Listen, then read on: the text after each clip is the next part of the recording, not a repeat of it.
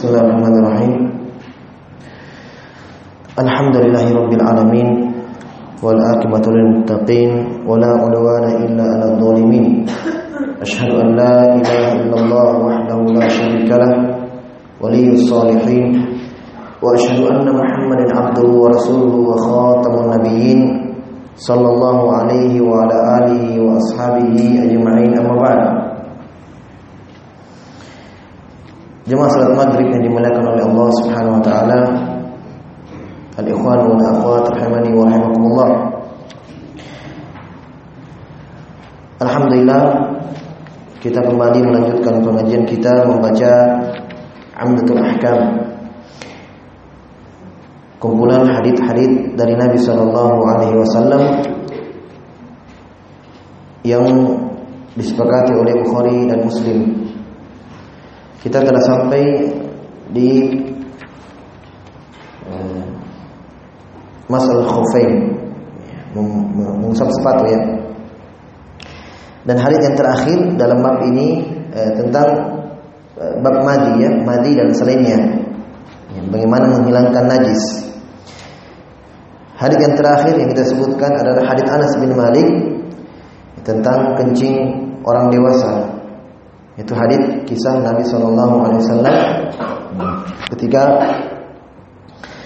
datang seorang Arab Badui yang kencing di masjid, kemudian Nabi Shallallahu Alaihi Wasallam menyiramkan di tempat kencingnya, menunjukkan najisnya kencing ya, orang dewasa. Dan hukumnya sama dengan kencing anak kecil, bayi perempuan yang belum makan selain asi. Adapun bayi laki-laki itu diringankan cara memansucikannya itu dipercikkan saja. Adapun yang lainnya itu dicuci. Baik. Kemudian tersisa satu hadis sebelum masuk ke pembahasan tentang mandi janabah, mandi junub. Itu hadis kata penulis di sini dari Abu Hurairah radhiyallahu taala anhu Qala sami'tu Rasulullah sallallahu alaihi wasallam yaqul al-fitratu khamsun al-khitanu wal istihdadu wa qassu syaribi wa taqlimul adfari wa natful ibti Kata Abu Hurairah radhiyallahu anhu saya mendengar Nabi sallallahu alaihi wasallam mengatakan al-fitratu khamsun. Kesucian yang merupakan fitrah manusia kesucian fitrah ada lima. Ini penyebutan tentang hal-hal yang mensucikan diri. Yang pertama al-khitan, sunat. Ya, yang pertama sunat. Yang kedua al-istihdad, membersihkan kemaluan. Yang ketiga, saya terjemahkan dulu, nanti kita jelaskan hukumnya masing-masing. Yang ketiga, waqassus syarib, memotong kumis. Ya, memotong kumis. Yang kelima, yang keempat, taklimun adfar, memotong kuku. Memotong kuku. Yang terakhir, natful ibdi, mencabut bulu ketiak. Ya, mencabut bulu ketiak. Taib. Maka di dalam hadis ini ya, Nabi Shallallahu Alaihi Wasallam menyebutkan ada lima perkara ya, yang merupakan yang merupakan sebuah kesucian, hal yang bersih. Al fitrah di sini bukan dia hanya dianjurkan sifatnya anjuran tidak. Sebab ada yang sifatnya wajib di sini. Yang terlima perkara ini ada yang wajib. Yang pertama kata Nabi Wasallam yang pertama al khitan sunat. Iya. Sunat ulama menyebutkan tentang khitan ini itu memotong kulit. Iya bagian dakar laki-laki.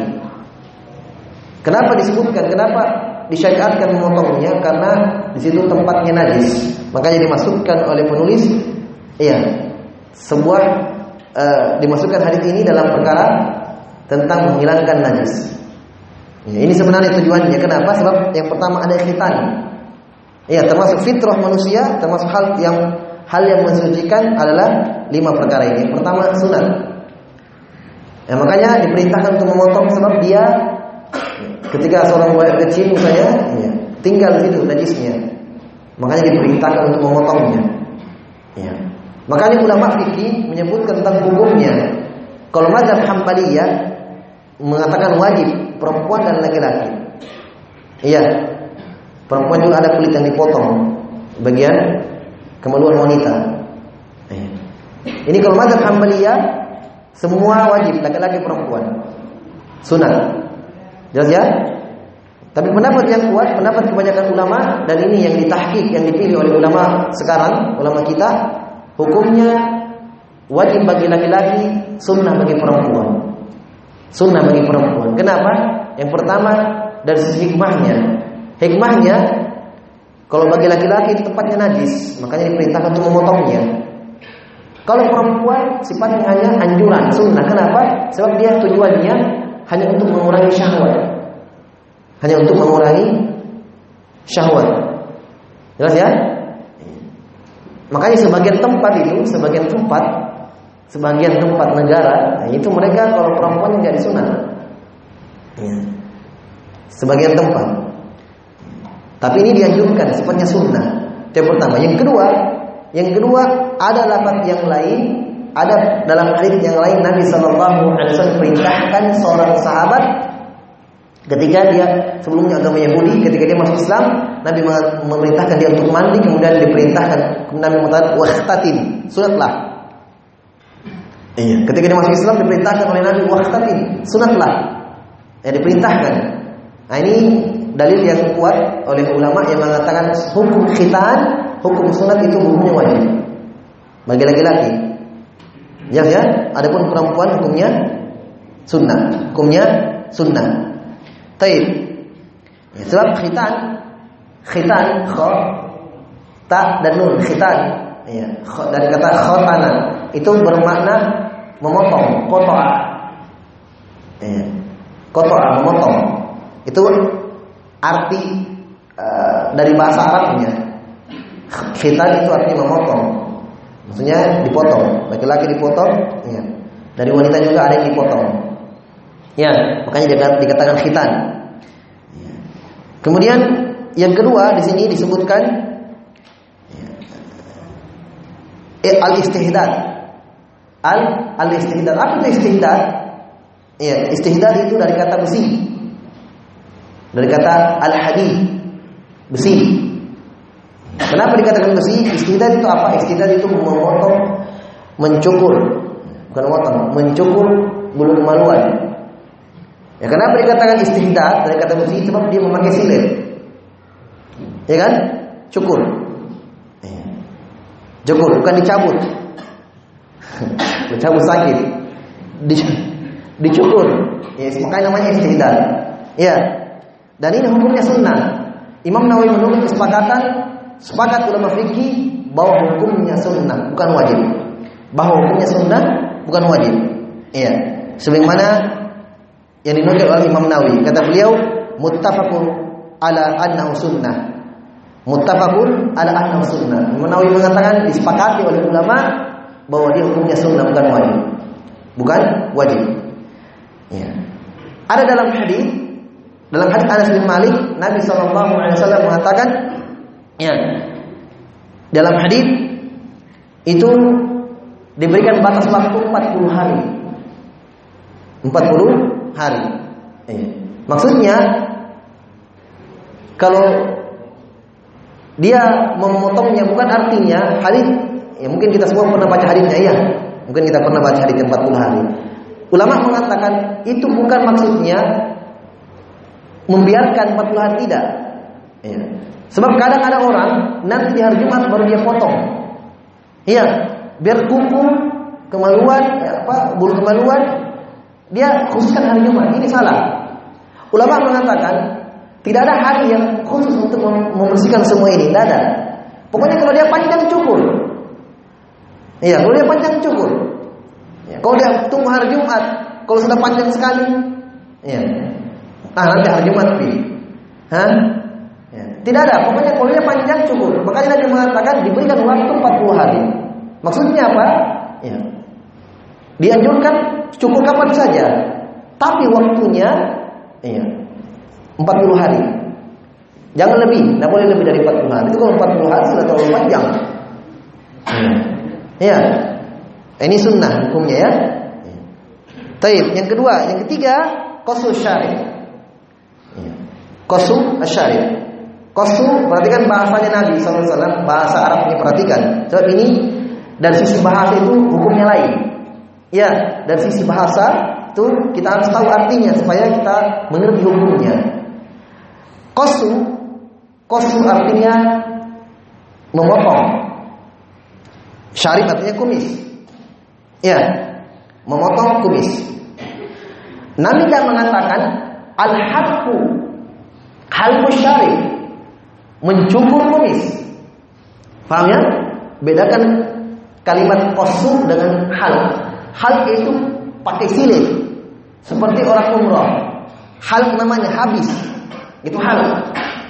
Jelas? Kalau kosu pakai gunting. Makanya bahasa Arabnya gunting maksud. Mikosul. Kenapa? Karena dia memotong. Beda itu hal dengan kos beda. Kalau memotong habis. Habis. Itu hal. Nah, makanya orang umroh dibedakan. Lebih afdal halak daripada muqassiri, memotong. Misalnya kita umroh, tawaf, cukur. Yang mana afdal? Pakai silat atau pakai gunting? Pakai silat atau habis kan atau tidak? Lebih afdal habis. Tapi boleh juga tidak, sebagaimana dalam hadis, ya dalam hadis dikatakan, ya al muhallikun al muhallakun. Ya. Mereka dapat pahala sama mana bagaimana al muqassirun kata Nabi sallallahu alaihi wasallam orang yang memotong juga. Maksudnya dia potong rambutnya tidak habis.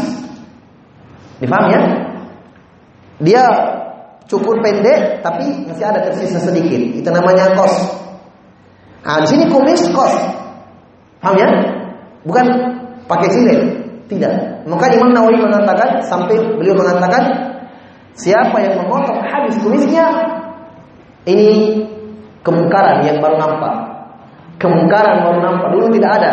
Ya, di kalangan orang dulu para ulama salaf tidak ada yang cukup hadis kumisnya. Sebab sesuai dengan lafaz hadis qasu. Qasu itu pakai gunting. Ya. Bukan dihabiskan. Tidak. Jelas ya? Dan ini sunnah juga. Ya, sunnah disyariatkan. Kemudian yang keempat, taklimul adfar. Taklim itu memotong kuku. Ya. Ini juga tidak ada kekhususan hari Jumat, kapan saja tidak ada. Ya. Tidak ada bilang potong kuku ditanam. Hah? Tidak ada, buang saja itu kotoran. Tidak ada masalah dengan itu. Ya. Ini sunnahkan juga. Kemudian natfu al-ibn. Natfu, natfu itu mencabut. Ya, natfu itu mencabut. Ya, natfu mencabut. Bagaimana kalau memotong cukur habis? Ya, sebagian ulama ada membolehkannya. Kenapa? Sebab dia memang sakit. Sebagaimana eh, sebagian ulama pernah masuk kepada Imam Syafi'i. Ya, masuk kepada Imam Syafi'i Yunus bin Abdul A'la. Beliau pernah datang mendatangi Imam Syafi'i. Mendatangi Imam Syafi'i, masuk ke rumahnya. Di dalam rumah Imam Syafi'i ada seseorang anak muda yang mencukur habis bulu ketiaknya. Ditanya oleh Imam Syafi'i, "Kenapa kamu cukur habis?" Dia mengatakan, "Saya tidak bisa menahan sakitnya." Ya, saya tidak bisa menahan sakit sakitnya. Makanya ulama sebagainya ada yang membolehkan. Ada yang membolehkan kalau mencukur, tidak bisa tahan sakitnya. Tapi afdolnya Sepakat ulama, afdolnya itu cabut. Iya. Tarik. Iya. Walaupun trek-trek sedikit tidak apa-apa. Iya. Jelas ya? ya? Ini lima apa? Lima kesucian dari kesucian dan hukumnya yang pertama wajib ya kita bagi laki-laki. Maka di dalam hadis ini terdapat ya disyariatkannya lima perkara tersebut. Disyariatkannya berkhitan sunat, kemudian disyariatkannya memotong e, mencukur bulu kemaluan, kemudian memotong kumis dan memotong kuku dan e, menarik, mencabut, ya, menarik, mencabut bulu ketiak. Iya. Kemudian dalam hadis ini juga terdapat faedah bahwa syariat Islam itu mengajarkan kita yang sifatnya kebersihan, sifatnya kebersihan. Ya. Kata Nabi Shallallahu Alaihi Wasallam, "At-tuhur syatrul iman." Kesucian itu adalah bagian dari iman. Kesucian itu adalah bagian dari iman. Kemudian di dalam hadis juga terdapat faidah, terdapat ilmu bahwa lima hal yang kita sebutkan tadi yang Nabi sebutkan dalam hadis ini adalah perkara yang Allah cintai. Perkara, perkara yang Allah sukai. Kenapa? Sebab iya, disyariatkan di dalam hadis, disyariatkan di dalam syariat kita. Makanya semua hal-hal yang Allah syariat, semua hal-hal yang Allah syariatkan entah itu dalam Al-Quran atau dalam Sunnah, maka itu pasti hal-hal yang Allah cintai. Itu hal-hal yang Allah senangi. Ya. Kemudian dalam hati ini juga terdapat ya, kekeliruan, ya, terdapat kekeliruan sebagian orang, ya kan, membiarkan kumisnya, ya, tidak memotongnya panjang-panjang. Iya. Ini menyelisih sunnah Nabi Sallallahu Alaihi Wasallam. Kemudian yang berikutnya juga terdapat dalil bahwa Ya. Di dalam hadis yang lain, Nabi mengatakan qassus syawari urfuluha wa qassus syawari. Biarkanlah jenggot dan potonglah kumis. Dan potonglah kumis. Ya. ya. Maka mereka terbaliknya. Sebagian orang dia cukup jenggotnya, dia pelihara kumisnya. Ya, dia pelihara kumisnya. Padahal dalam hadis Nabi mengatakan eh, khaliful yahud selisihlah orang Yahudi. Qasdus syawar, urfuluha qasdus syawari. Peliharalah jenggot kalian, biarkan jenggot itu, kemudian potonglah kumis. Kenapa? Sebab orang Yahudi terbaliknya. Orang Yahudi itu memotong jenggotnya dan memperpanjang kumisnya. Makanya kita diperintah untuk menyelisih orang Yahudi. Ya, menyelisih selisihilah orang-orang Yahudi. Baik. Ya. Maka ini ya, perkara yang disyariatkan di dalam syariat kita dan hukumnya kita sudah sebutkan tadi. Hukumnya kita sudah sebutkan. Kecuali satu yang wajib ya yaitu khitan. Adapun yang lainnya itu sunnah. Yang lainnya itu sunnah. Baik.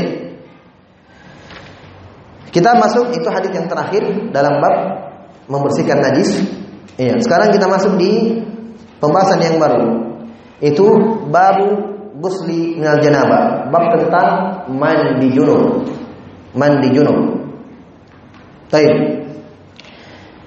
Dalam hadis berikutnya yang pertama tentang hadis mandi junub dari Abu Hurairah radhiyallahu anhu penulis mengatakan anna Nabi sallallahu alaihi wasallam laqiyahu fi ba'di turukihi fi turukil Madinah fi ba'di turukil Madinah Abu Hurairah pernah bertemu dengan Nabi Shallallahu Alaihi Wasallam berpapasan dengan Nabi Shallallahu Alaihi Wasallam di jalan sebagian jalan di Madinah dan wahwa junubun dan Abu Hurairah sedang junub. Ya, sudah junub. Qala khanastu minhu, maka saya sembunyi. Iya. khanastu menghindar dari Nabi. Ya, menghindar. Maksudnya tidak mau ketemu karena dia sedang junub, ya malu ya. Fadhabtu faktasaltu. Maka saya pergi untuk mandi mandi wajib. Sumaji itu kemudian Abu Hurairah mengatakan saya mendatangi Nabi Shallallahu Alaihi Wasallam baru saya berani dan mendatangi. Ya, saya mendatangi Nabi Shallallahu Alaihi Wasallam. Fakola maka Nabi bertanya, Aina kunta ya Abu Hurairah? Ke mana kamu tadi?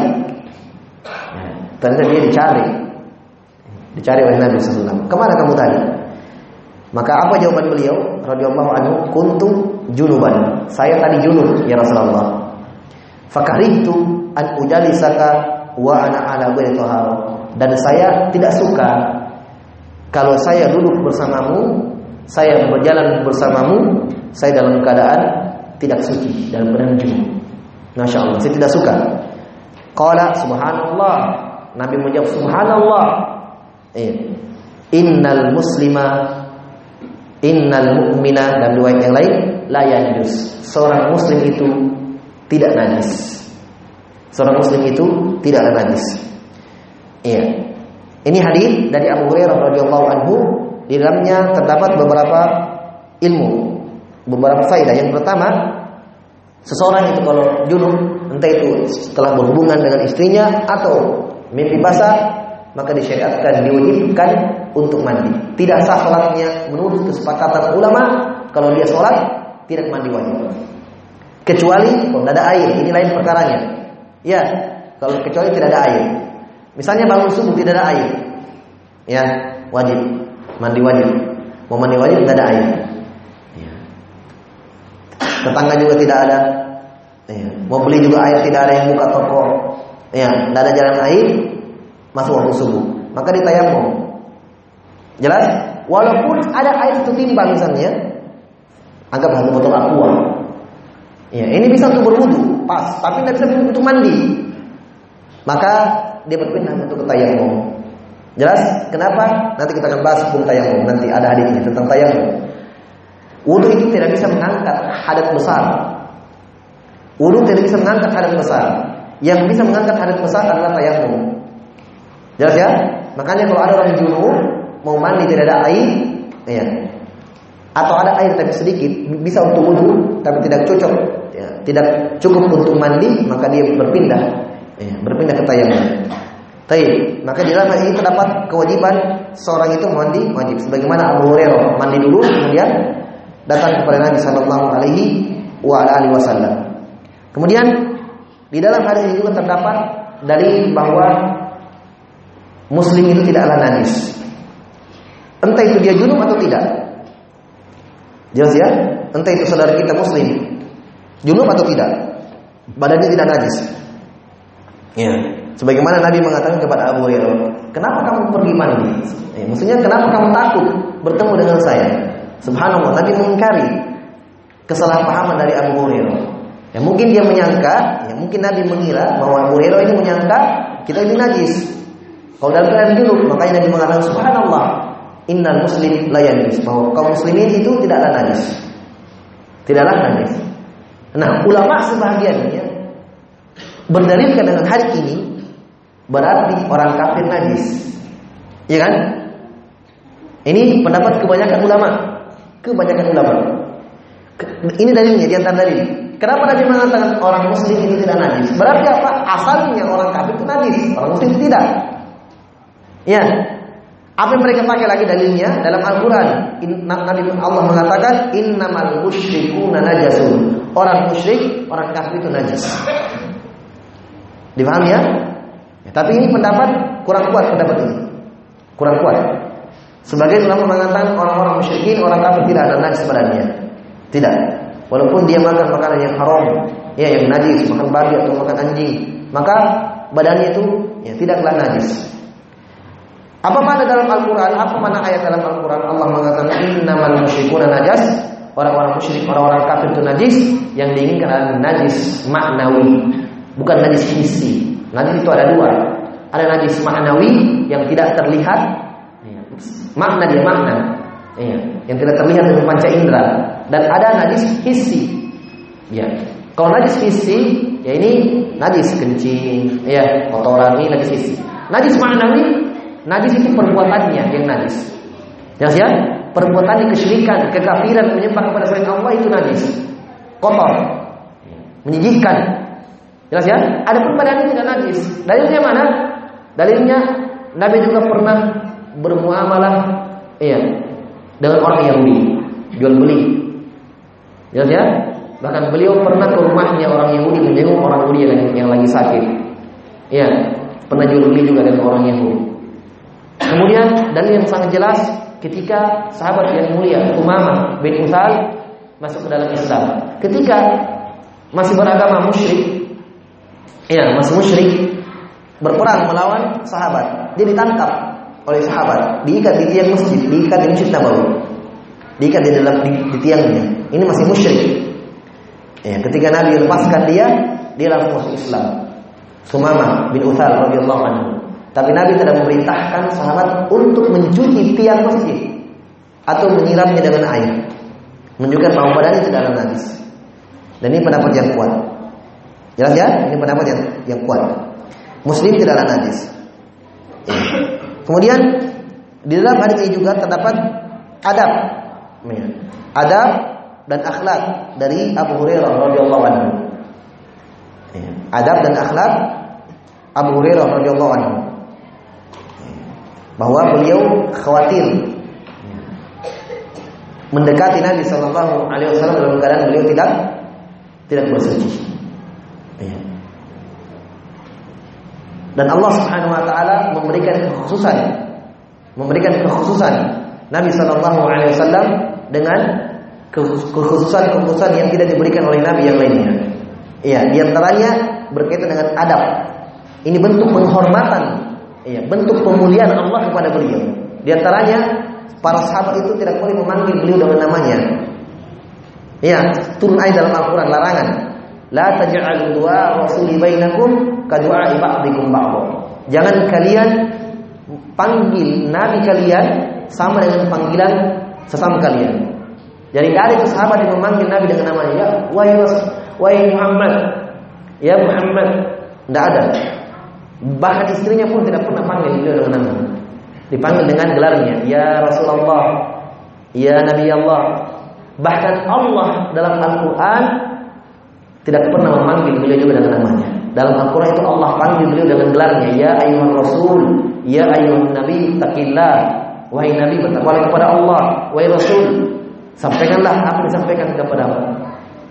Ya, ya. Adapun coba lihat buka Al-Quran. Nabi-nabi yang lainnya coba lihat. Dipanggil dengan namanya Ya Musa, wahai Musa, Ya Isa, wahai Isa. Ya Nuh, wahai Nuh. Ya Ibrahim, wahai Ibrahim. Ya Yahya, Zakaria. Disebut namanya dipanggil semua oleh Allah Subhanahu wa taala.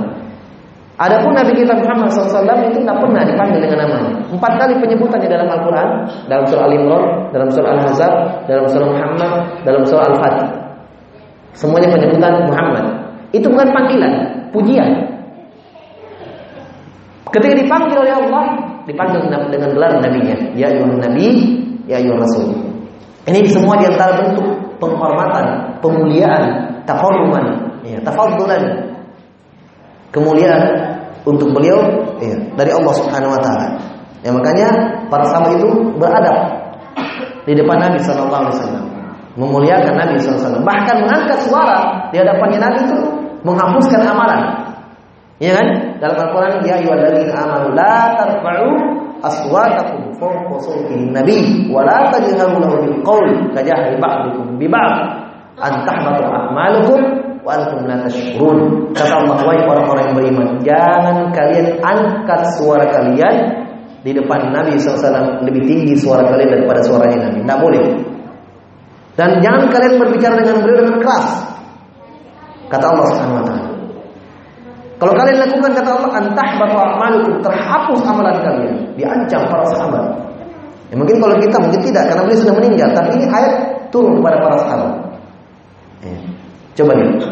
Ini bentuk pemuliaan. Bentuk pemuliaan. Bahkan mereka subhanallah sangat apa? Ya, menghormati Nabi Shallallahu Alaihi Wasallam. Bahkan pernah, ya, ketika Nabi Shallallahu Alaihi Wasallam menikahi Sofia istri beliau, ya, pernah kisahnya ya, Sofia ini kisahnya ketika Nabi dan para sahabat menyerang ya, menyerang eh, sahabat diutus menyerang orang Yahudi ya kan? Bangsa Yahudi. Nah, mereka tangkap wanitanya ada Sofia di situ ya Sofia ditangkap masih kepada Yahudi ya kan jadi budak ya ketika dibawa maka Nabi SAW maka sahabat sudah mengatakan oh ini untuk saya ini Iya, sahabat mengatakan ini untuk saya ini. Iya, Sofia. Semua mau Sofia, karena memang cantik wajahnya. Ketika dibawa kepada Nabi SAW, Nabi mengatakan ini untuk saya. Sahabat diam. ini untuk saya ini. Iya. Tidak berani. Jelas ya? Ini bentuk penghormatan kepada Nabi SAW.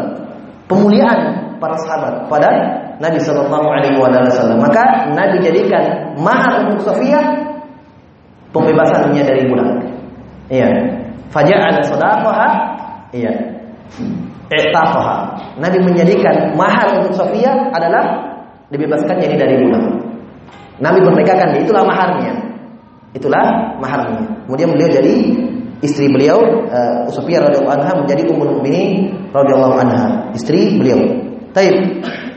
Maka di dalam hadis juga terdapat faedah. Faedah lain bahwa uh, kalimat ta'ajub kalimat kalau bentuk keheranan itu dengan subhanallah.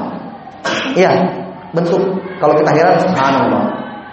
Ini, ini yang disyariatkan sebagaimana Nabi sallallahu Ketika beliau heran, kenapa Abu Hurairah memahami bahwa iya, orang yang junub tidak boleh mendekati saudaranya, ya kan? Maka Nabi mengingkari subhanallah. Ini bentuk mengingkar. Jadi kalau kita juga mengingkari, kita melihat sesuatu yang aneh atau melihat sesuatu yang sangat mengherankan, maka kita katakan subhanallah. Iya. Atau pernah ber, Nabi bertakbir juga, Allahu Akbar. Iya. Kalau melihat, ini bentuknya pengingkaran yang sangat keras. Iya.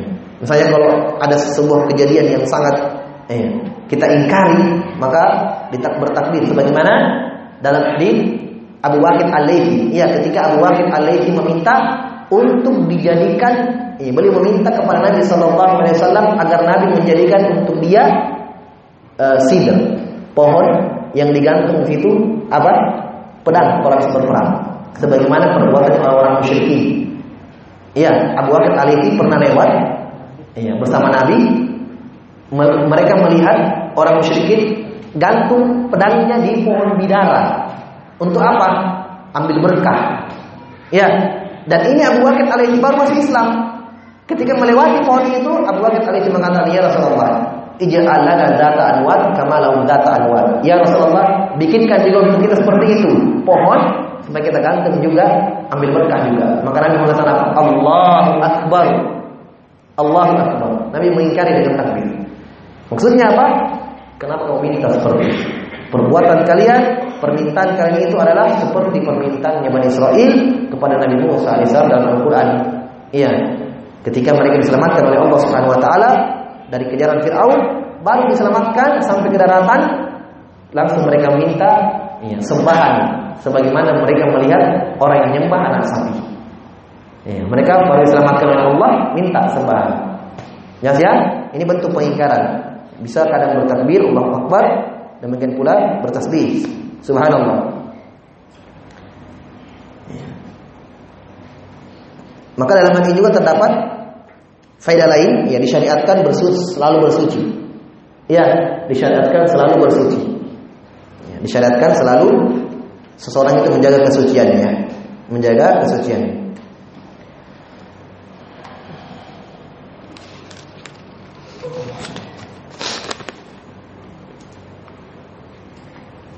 Apa hukum menyanyi meskipun tanpa musik?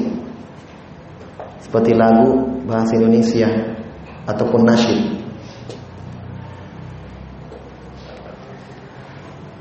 Tidak boleh, tidak boleh walaupun tidak musiknya. Ya. Wa minan nasi may yashtari lahu al-hadith yudil an sabilillah dalam surat Luqman. Ditafsirkan oleh Ibnu Abbas yaitu nyanyian. Eh, nyanyian, nyanyi-nyanyi tidak boleh. Adapun kalau misalnya bentuknya syair, ya, kadang dilantunkan seperti nyanyian, itu yang dilakukan oleh sahabat, tapi ada masalahnya. Ada masalahnya kapan itu? Ketika berjihad. Jelas ketika berjihad. Mereka keluarkan syair buat syair untuk sahabat agar semangat berjihad. Iya, membakar semangat mereka berjihad, maka mereka buat syair-syair. Kenapa apa? Ini nyanyi. Nyanyi-nyanyi apa? Nyanyi Indonesia, Ben, apa masalahnya? Dosa jadi dapat. Jelas ya? Nasyid-nasyid haram, tidak boleh nasyid-nasyid. Tidak boleh. Mending berpikir baca Quran. Berhijrah apakah harus Hah? Apa ini? Berkhitan. Apakah harus dipotong atau boleh dengan di apa ini? Dengan digores. Mem memakai pisau mengikuti adat kampung. Ya ini sering ditanyakan ini Pokoknya mau pakai apa teh? Pakai bambu, mau pakai kampak. Yang jelas terpotong. Itu saja. Yang jelas terpotong. Biasanya kalau yang ditanyakan dari kampung itu kampung tidak terpotong. Saya tahu ini. Biasa di di Tenggara-Tenggara yang banyak begini. Karena saya dari Tenggara juga. Iya, dia cuma diiris. Sudah, luka sedikit tapi tidak terlepas. Iya, makanya banyak teman-teman itu dulu yang santri-santri sudah tamat SMA. Iya, Baru tahu, oh ternyata sunat mereka sudah besar. Kenapa? Memang karena sunat kampung tidak terpotong, cuma digores berdarah sedikit sudah. Seperti itu saja. Jadi intinya walaupun sunat kampung, tapi terpotong darah besar. Ya, orang dulu kan tidak pakai laser gitu juga orang dulu, ya kan? Orang dulu, ya. pakai alat apa saja yang terpotong, ter terpotong. Jadi mau pakai apa saja? Nanti. Usia berapa seorang anak sebaiknya dikhitan sesuai dengan ajaran Islam? Sebelum balik. Tapi ada amalannya para sahabat, amalannya mereka itu ketika baru lahir. Ketika di tujuh hari dipotong rambutnya, diberikan nama, dikhitan di situ. Tapi itu tidak harus ya. ya bisa bisa bisa sedikit tiga tahun, empat tahun sebelum balik. Ya, sebelum balik dipotong. Ya. Dan memang ini dari ahli kedokteran mengatakan semakin kecil semakin bagus untuk lembut kulitnya. Makanya orang-orang Arab itu dan kita saksikan di Yaman itu tidak ada. Pokoknya hari ketujuh selesai semua. Potong rambut, berikan nama, kemudian kita. orang-orang Arab begitu. Jarang mereka yang besar-besar. Kadang saya cerita dengan orang-orang orang Yaman. Iya. Kadang saya ditanya, kalian di Indonesia berapa tahun sunat? Oh, kadang 6 tahun, 7 tahun, sudah sekolah. Uh, kaget mereka. Hah? Itu besar sekali tuh kalau kita. Besar. Nah, terus saya tanya, kalian umur berapa? Oh, kita baru lahir hari ketujuh potong. Ya kan? Kan masih kecil.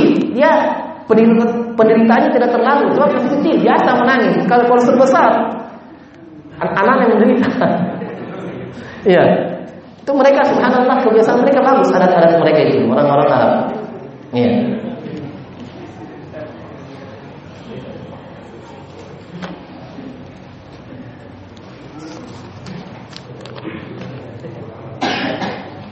Apakah seorang yang ingin masuk Islam wajib untuk mandi junub? Bukan mandi junub ya, sebab dia tidak junub. Mandi, mandi masuk Islam, ia disunahkan. Bahkan ada yang mengatakan wajib, tapi pendapat yang benar pendapatnya sunnah. Iya. Bukan uh, mandi junub. Kalau junub itu junub dari kata janabah karena dia sudah junub. Ya. Tapi dia mandi mandi masuk Islam. Sama dengan mandi Jumat. Mandi Jumat itu beda dengan caranya dengan mandi junub. Ya, ya, tidak sama. Mandi junub itu nanti kita akan baca caranya. Ada dua cara sempurnanya. Ada hadis Maimunah, ada Aisyah. Kecuali kalau hari Jumat junub juga. Ya, lain. Lain ceritanya itu. Mau sholat Jumat memang sedang junub, ya berarti mandi junub. Niatkan juga mandi mandi Jumat. Ya. Dan mandi, mandi Jumat hukumnya pendapat yang kuat hukumnya wajib. Walaupun kebanyakan ulama mengatakan sunnah, pendapat uh, yang kuat adalah wajib mandi Jumat. Ya. Ini dipaparkan oleh ulama seperti Ibnu Taimiyah rahimahullah. Dalilnya jelas. Ghusl yaumil Jum'ah wa fardun. Iya. Kata Nabi SAW mandi hari Jumat wajib hukumnya. Jelas hadisnya. Jelas ya? Jadi dia bukan mandi junub, mandi wajib. Apakah rutin mengerjakan puasa Senin Kamis setiap bulannya sudah dikatakan mencukupi dari puasa ayamul bait? Ya kalau dia mau mau menggabungkan duanya, kedua-duanya boleh. Jadi misalnya dia puasa tiga hari dalam sebulan. Iya, dia niatkan tiga hari dalam sebulan, Senin, Kamis, Senin lagi. Itu dapat semuanya. Dapat dua keutamaan, Senin Kamis dan tiga bulan itu. Tapi otomatis kalau dia misalnya Senin Kamis, iya dia puasa, kemudian dia puasa uh, Rabu, iya atau hari-hari lain dengan niat untuk tiga bulan itu itu lebih afdol baginya. Tapi kalau dia apa meniatkannya juga juga bisa. Bagaimana hukum berbohong di tempat kerja demi menghadiri majelis ilmu? Tidak boleh. Berbohong. Berbohong itu dalam hadis dikecualikan ada tiga perkara saja. Iya. Pernah hadisnya? Bohongnya boleh. Yang pertama dalam peperangan. Dalam peperangan menipu musuh. Ya, memang musuh kan tertipu ya. Kemudian yang kedua untuk mendamaikan orang yang bertikai. Ya, saya ada orang yang mau ke Bombe. Eh, panggil kawan. Mau ketemu di sana. Eh, panggil kawan. Ah, mendamaikan ini boleh, walaupun tidak. Kemudian yang kedua, ketiga dalam hadis itu suami dan istrinya. Ya. Tapi yang baik ya bukan yang jelek. Ini disesuaikan oleh sebagian ulama. Misalnya istrinya masak. Ya. Iya, pas makan sayurnya pahit, pahit, enggak enggak rasanya. Enak?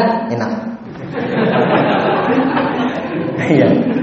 itu itu dalam hadis disebutkan. Walaupun ada ulama yang mengatakan ini lemah itu, tapi mananya benar? Ada ulama yang menyesuaikan hadisnya. Itu tiga. Yang lain tidak bisa. Bagaimana mengumumkan orang yang meninggal di dalam masjid? Apakah boleh? Ada fatwanya ulama ini tidak boleh karena masjid masjid bukan untuk itu. Masjid bukan untuk itu. Bagaimana sikap kami jika ada teman yang mengajak keluar tiga hari, empat puluh hari jangan, jangan itu. Jangan. Ayo. Cukup dulu ya, sudah ada tadi. A'lam bishawab. Assalamualaikum warahmatullahi wabarakatuh.